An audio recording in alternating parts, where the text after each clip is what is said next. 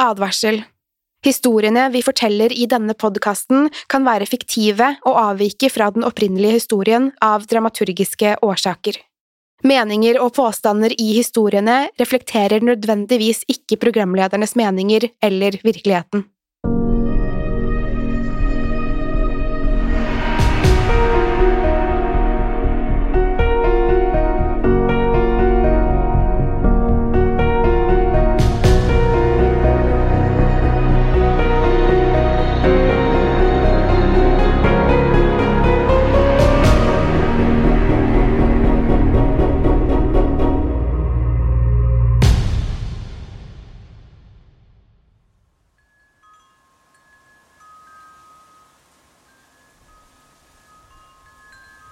Detaljene i denne historien har blitt endret og sensurert av rettsvesenet i Illinois.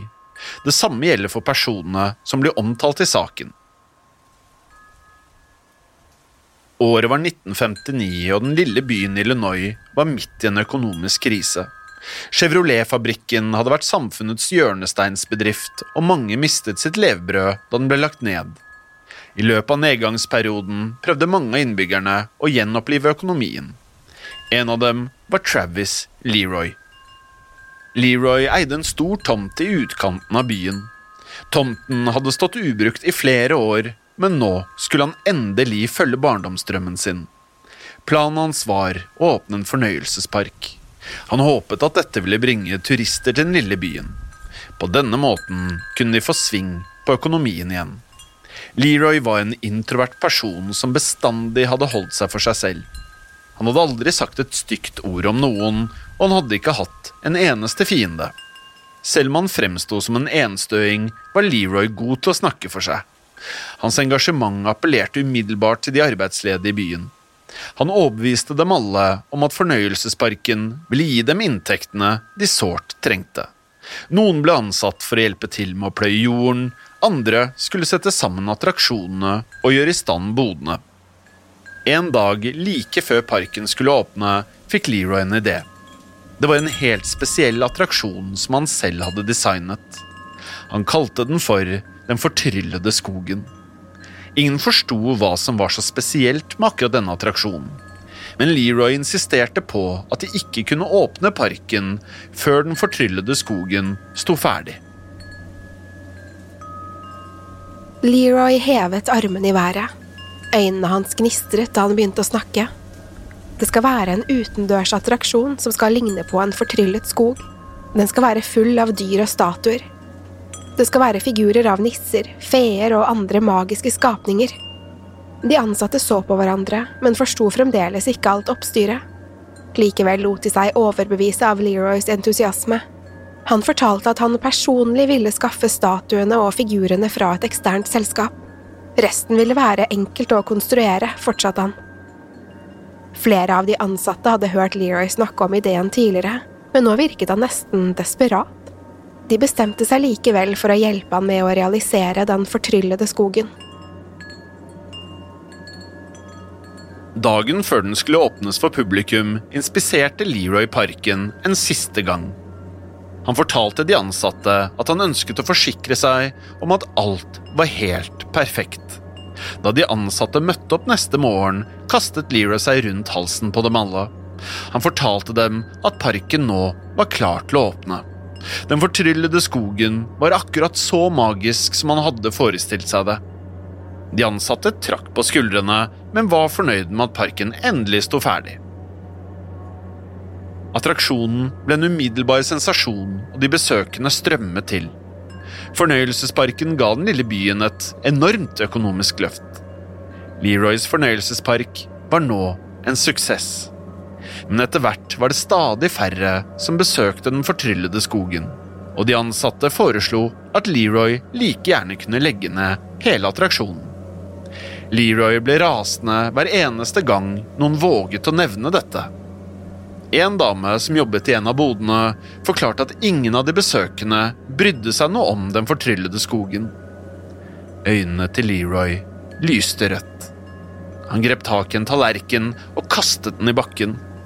Han roet seg brått ned og fikk en spinkel og ynkelig stemme. Leroy forklarte at de ikke trengte å bruke penger på vedlikehold eller reparasjoner. Fremover skulle han personlig ta seg av alt sammen.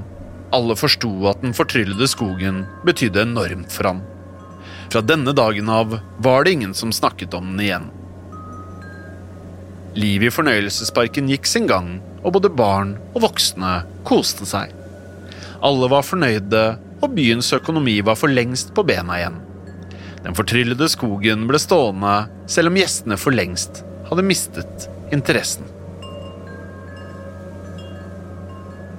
Ett år senere ble en fem år gammel gutt meldt savnet. Gutten hadde forsvunnet fra lekestativet like ved huset sitt. Politiet begynte å lete og fant en sko og noen hårlokker nede ved bekken. Men det ble ikke oppdaget blod eller andre tegn til at han var skadet. Etter et år ble saken henlagt av etterforskerne. De konkluderte med at gutten mest sannsynlig hadde blitt angrepet av et dyr, da de ikke hadde andre bevis å gå etter. Det var nemlig prærieulver i området, som tidligere hadde angrepet kjæledyr og små barn. Flere av innbyggerne i den lille byen nektet å godta denne forklaringen. Flere av dem påpekte at det ikke fantes et eneste bevis, og at det fremdeles ikke var funnet levninger etter den vesle gutten. Fem måneder senere forsvant et barn fra en av nabobyene. Det var over en times kjøretur unna, og av den grunn ble forsvinningen knapt lagt merke til av de lokale innbyggerne. Men en dag gikk byens lensmann og pastor til lokalavisen. Dette gjorde journalistene oppmerksomme på flere likhetstrekk mellom de savnede barna. Pastoren hadde også oppdaget at de to barna hadde vært svært like av utseende. De var gutter på samme alder og høyde, og begge hadde blondt, halvlangt hår. Politiet gjenopptok etterforskningen, men de klarte ikke å finne noen sammenheng mellom de to sakene. Etter to uker med avhør og etterforskning av ofrenes familier ble saken igjen henlagt. Snart ble det kjent at begge guttene hadde vært i fornøyelsesparken kun dager før de forsvant. Det kom som et sjokk på alle i byen, men ingen visste hva de skulle tro. Dette var tross alt en fornøyelsespark. Det verste som kunne skje her, var at noen kastet opp etter å ha sittet på den nye berg-og-dal-banen. Alle de ansatte i fornøyelsesparken ble grundig avhørt i saken, og hele området ble inspisert. Etterforskerne ønsket å vite om noen hadde snakket med guttene da de var på besøk i parken. Ingen av de ansatte kunne huske å ha sett guttene, og det ble heller ikke gjort noen funn i parken. Travis Leroy ble også avhørt av politiet, men han hadde heller ikke lagt merke til guttene. Leroy fortalte at han tilbrakte mesteparten av tiden på kontoret. Ellers var han kun opptatt med vedlikehold av parken. Politiet avsluttet etterforskningen uten noen nye oppdagelser. En dag like før jul ble nok et barn meldt savnet. Denne gangen var det en jente. Den lille jenta hadde vært ute på spasertur med moren sin da moren hadde stoppet opp for å prate med en nabo. Jenta hadde akkurat fylt tre år, og hun lignet på de to forsvunne guttene. Hun var på deres høyde og hadde kort, blondt hår og runde kinn. Foreldrene til jenta ble avhørt av politiet og kunne fortelle at de også hadde besøkt fornøyelsesparken bare noen dager tidligere. Parken ble stengt av myndighetene på ubestemt tid. Nå ville politiet gjøre grundige søk over hele parkområdet, en gang for alle. Alle bodene ble demonterte og kontorene gjennomsøkt, men det ble ikke gjort noen nye funn. Selv etter at de ansattes hjem ble ransaket, ble det ikke funnet noe som kunne knytte dem til de savnede barna. Det eneste stedet som ikke hadde blitt undersøkt, var glassmontrene som lå midt i den fortryllede skogen. Dessverre var det vanskelig å gjøre grundige søk her på grunn av dårlig belysning. De eneste brukbare lyskildene i skogsområdet var de fargede lampene som hang fra trærne. Av den grunn gjorde politiet mesteparten av søket med lommelykter, men heller ikke denne gangen fant de noe i skogen. De fleste i etterforskningsteamet så ut til å ville forlate området, men da de skulle til å gå, oppdaget de at sjefsetterforskeren hadde satt seg på kne foran glassmontrene. Han ba Leroy om å åpne samtlige, men Leroy nektet. Han fortalte at montrene hadde vært forseglet helt siden åpningen av parken. Etterforskeren var ikke fornøyd med svaret, men innså at det virket umulig å åpne montrene. Senere samme natt forsøkte sjefsetterforskeren å ransake området på egen hånd. Han ønsket å åpne glassmontrene, men måtte til slutt gi opp. Da han skulle til å forlate området, oppdaget han at tetningsmassen i hjørnet på glassveggene fremdeles var myk. Han konkluderte med at hun nylig hadde blitt påført. Neste dag ga han ordre om en ny ransaking av glasshusene, denne gangen med bistand fra de andre etterforskerne. Leroy var også til stede. Han insisterte på at de kom til å ødelegge montrene dersom de ble åpnet. Etter lange diskusjoner ble politiet til slutt enige. De tillot etterforskerne å gå inn i glassmontrene, selv om Leroy fortsatte å protestere. Den 18. mars 1963 gikk syv politimenn inn i glassmontrene i fornøyelsesparken. To timer senere ble parken stengt for godt. De fleste av innbyggerne fikk aldri vite detaljene om funnene som ble gjort, men ryktene sa at det var ekstremt forstyrrende. Fotografiene som ble tatt som bevis, ble holdt skjult for å skåne offentligheten. Etterforskerne hadde gått inn i skogsområdet i parken. De hadde fulgt de svingete veiene og stoppet ved det første glasshuset. Bevæpnet med brekkjern klarte de til slutt å skille de to første glassveggene fra hverandre. Stanken av fordervelse og balsameringskjemikalier slo umiddelbart mot dem, men det var en annen lukt som de aldri ville glemme.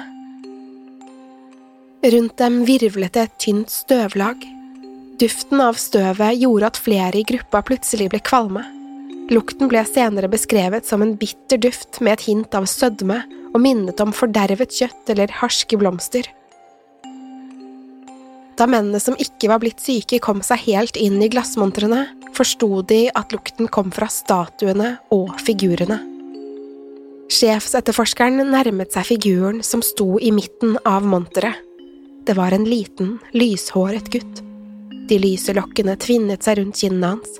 Den lille figuren stirret nysgjerrig opp i taket og holdt en liten fugl i hendene sine. Etterforskeren studerte figurens ansiktsuttrykk og stirret inn i de livløse glassøynene. Han dekket for nesen og munnen med ermet, men fortsatte å inspisere figuren for å finne ut hva kilden til lukten kunne være. Han la plutselig merke til at figuren hadde fregner på kinnene. De lyste forsiktig opp under det som så ut som et tykt lag av lakk og gips. Hovedetterforskeren løftet hånden sin for å skrape litt av emaljen fra figurenes ansikt. Men i stedet for å skrelle av et lite flak falt en stor bit av kinnet til figuren av. Under laget av grått belegg kunne etterforskeren se noe som lignet levende, rått kjøtt og muskler. Etterforskeren tørket så av belegget før han henvendte seg til de andre. Han unnskyldte seg og løp ut. Synet, lukten og atmosfæren i boksen hadde blitt for mye for han. Etterforskeren ble sendt inn i de andre glassmontrene. Samtlige av glasshusene ble åpnet, og alle ga fra seg den samme bedervede stanken. Etter at hele parken var tømt og undersøkt, ble det funnet levninger fra elleve barn. Blant disse var de to savnede guttene og den tre år gamle jenten. Mange av dem forble uidentifiserte, mens resten viste seg å være barn som hadde forsvunnet fra områder i nærheten av den lille byen. Det yngste barnet viste seg å være sønnen til Travis Leroy. Leroy ble arrestert med en gang og siktet for å ha kidnappet og drept alle barna. Parken ble permanent stengt. De fleste av maskinene ble demontert og returnert til sine opprinnelige eiere, men innbyggerne nektet å nærme seg glassmontrene i den fortryllede skogen. De måtte leve med at byen deres var gjennomsildret av ondskap. Byen led igjen store økonomiske tap, og familier som hadde bodd der i generasjoner, ble tvunget til å flytte. Flere år senere ble et eksternt byggeteam ansatt for å demontere glasshusene, de nektet likevel å fullføre oppgaven da de ikke ble kvitt den kvalmende lukten. Innbyggerne kunne ikke gjøre annet enn å la den fortryllede skogen stå urørt. Noen netter kan man fremdeles høre lyden av barnegråt. Den dag i dag står glassmontrene igjen i skogholtet som et grusomt minne om fornøyelsesparken.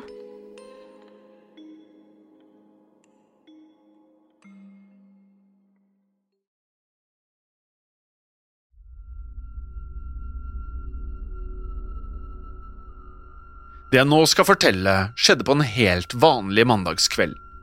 Jeg satt foran PC-en og skrev en e-post da jeg hørte en lyd fra kjøkkenet.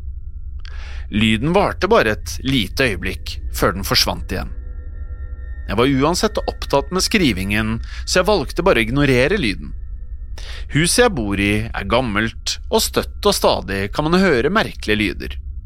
Jeg fortsatte å jobbe, men det gikk kun noen minutter før jeg hørte den samme lyden nok en gang. Det hørtes ut som en slags klikk. Etter å ha tenkt meg litt om, ble jeg grepet av frykt. Plutselig innså jeg at det var bakdøren som ledet til kjøkkenet, som ble låst opp. Jeg åpnet skrivebordsskuffen og trakk ut en gammel brevkniv. Så reiste jeg meg og gikk forsiktig mot døren til kontoret. Jeg åpnet den sakte og gikk ut i gangen. Jeg ble møtt av et stummende mørke. Med de skyhøye strømprisene hadde jeg begynt å skru av lyset i alle rom. Jeg bestemte meg for å ikke røre lysbryteren. Dersom noen faktisk hadde brutt seg inn, ville jeg ikke avsløre at jeg var hjemme. Jeg listet meg nedover gangen mens jeg lyttet så godt jeg kunne.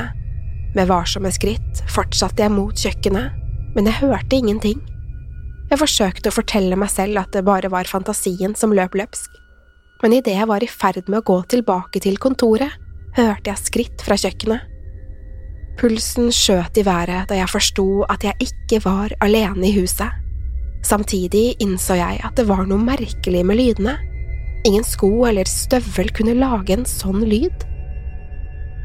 Hadde inntrengeren tatt av seg på bena før han gikk inn? Det hørtes nesten ut som de myke fottrinnene til et barn. Jeg bestemte meg for å si noe. Hallo? brølte jeg så høyt jeg kunne.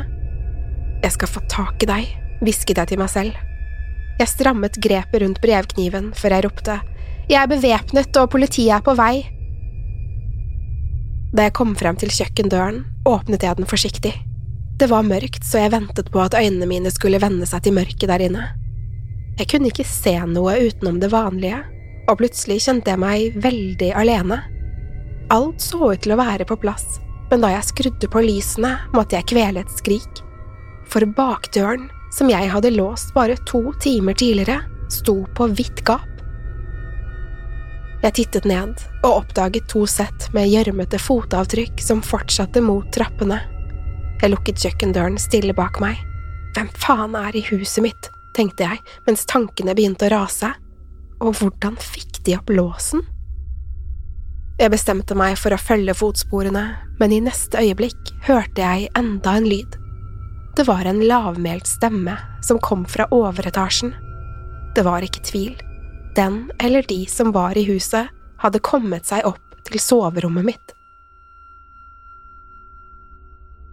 Jeg svelget tungt og forsøkte ikke miste fokus. Dette var mitt hus. Hvem enn som var der oppe, invaderte privatlivet mitt og truet sikkerheten min. Jeg satte foten på det første trappetrinnet og slo på lyset i trappeoppgangen. Kom frem! ropte jeg, men jeg fikk ingen svar. Jeg har en kniv og jeg er ikke redd for å bruke den, overgi deg nå. Adrenalinet begynte å pumpe, og frykten forsvant fra kroppen min. Jeg fortsatte opp trappen, to steg av gangen, og rev opp soveromsdøren. Jeg holdt kniven foran meg, men rommet var tomt. Da jeg kikket ned på gulvet, så jeg de samme fotsporene som jeg hadde sett på kjøkkenet. De så ut til å ha stanset midt i rommet. Det var som om blodet mitt frøs til is. Jeg sjekket i skapet og under sengen, men det var ingen å se. Var jeg blitt gal? Da jeg hørte kjøkkendøren smelle igjen bak meg, gikk jeg ut av soverommet og mot trappen. Jeg brølte i redsel og sprang ned trappene, gjennom kjøkkenet og inn på kontoret. Jeg smalt igjen døren og låste den bak meg. I neste øyeblikk kollapset jeg i stolen og besvimte. Jeg våknet så til lyden av fottrinn i trappen. De fortsatte gjennom kjøkkenet og gjennom gangen før de stanset rett utenfor kontordøren. Låsen var gammel og slitt, og jeg tvilte vel på at den kom til å holde noen som helst ute. Jeg reiste meg så i vill panikk og bare ventet på at dørhåndtaket skulle vri seg om. Plutselig hvisket noen til meg gjennom nøkkelhullet. Det var en fryktelig stemme som minnet meg om både død og evig mørke. Hjertet mitt banket og leppene mine skalv. Det kjentes ut som jeg ikke kunne puste. Dørhåndtaket ristet, og med ett åpnet døren seg sakte. Jeg stirret ut i gangen. Jeg var så redd, men jeg så ikke noe annet enn stummende mørke. Jeg var sikker på at jeg var i ferd med å bli gal, men så kom lyden av fottrinn tilbake. Lyden kom fra der det hele hadde begynt, kjøkkenet. Deretter hørte jeg at bakdøren åpnet og lukket seg, og stillheten kom tilbake til huset. Etter det som virket som en evighet, gikk jeg skjelven gjennom gangen og mot kjøkkenet. Lyset var fremdeles på, og alt virket som før. Bakdøren var lukket, og jeg kunne se at låsen var vridd om. Da jeg så meg rundt, oppdaget jeg en lapp på bordet. Jeg gikk nærmere, plukket opp lappen og visste ikke om jeg skulle le eller gråte. Jeg holdt den tett inntil ansiktet og leste hva det sto. Beklager, feil hus denne gangen.